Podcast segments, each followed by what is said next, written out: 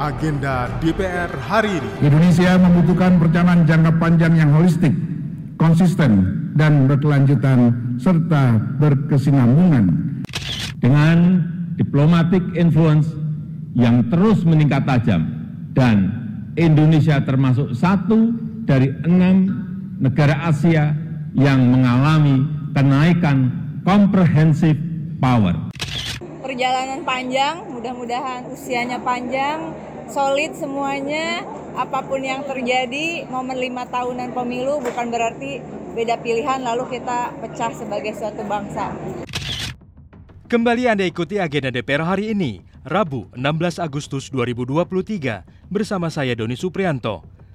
Hari ini berlangsung pidato kenegaraan Presiden Republik Indonesia pada sidang tahunan MPR RI bersama dengan DPR RI, DPD RI tahun 2023.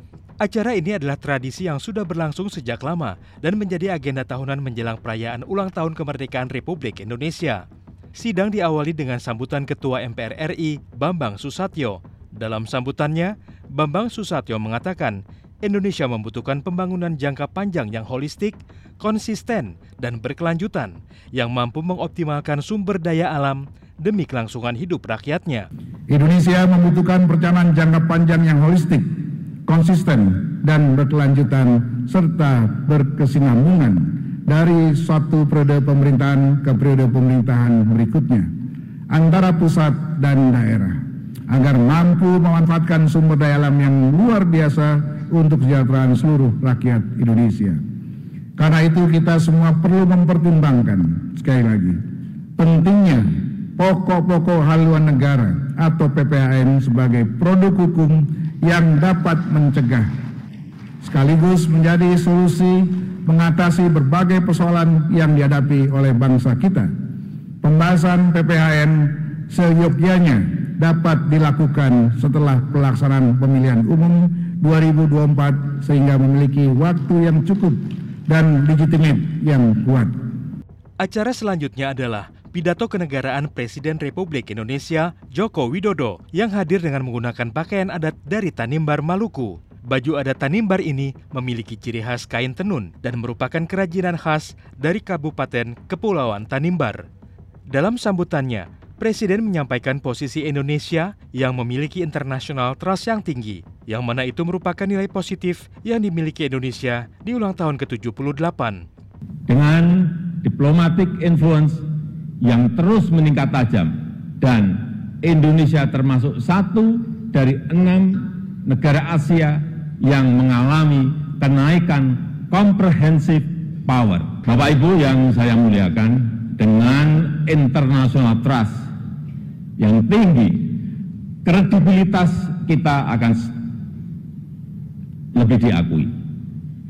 Kedaulatan kita akan lebih dihormati. Suara Indonesia akan lebih didengar sehingga memudahkan kita dalam setiap bernegosiasi. Sementara itu, saat dimintai pendapatnya, anggota Komisi 6 DPR RI Rike Diah Pitaloka menyampaikan harapan-harapannya di hari ulang tahun Republik Indonesia ke-78 ini, yang menurutnya momen persatuan dan kesatuan bangsa harus terus dijaga, walaupun berbeda-beda pilihan politik jelang pemilihan umum tahun depan. Perjalanan panjang, mudah-mudahan usianya panjang, solid semuanya, apa pun yang terjadi, momen lima tahunan pemilu bukan berarti beda pilihan lalu kita pecah sebagai suatu bangsa. Kita masih ada PR panjang untuk mencapai visi Indonesia yang diamanatkan pembukaan Undang-Undang Dasar alinea kedua Indonesia yang merdeka bersatu berdaulat adil dan makmur dan misi kita masih harus kita perjuangkan amanat pembukaan Undang-Undang Dasar alinea keempat terbentuknya pemerintahan negara Indonesia yang melindungi segenap bangsa seluruh tumpah darah memajukan kesejahteraan umum, mencerdaskan kehidupan bangsa dan ikut melaksanakan ketertiban dunia yang berdasarkan kemerdekaan, perdamaian abadi dan keadilan sosial yang dengan berpedoman pada Pancasila. Pendengar, saat ini anggota DPR sedang memasuki masa reses. Anda yang ingin menyampaikan aspirasinya, silakan menghubungi rumah aspirasi-rumah aspirasi anggota dewan yang ada di daerah pemilihannya masing-masing. Demikian agenda DPR hari ini. Untuk informasi selengkapnya, simak dan ikuti media sosial TV dan radio parlemen. Saya Doni Suprianto. Sampai jumpa.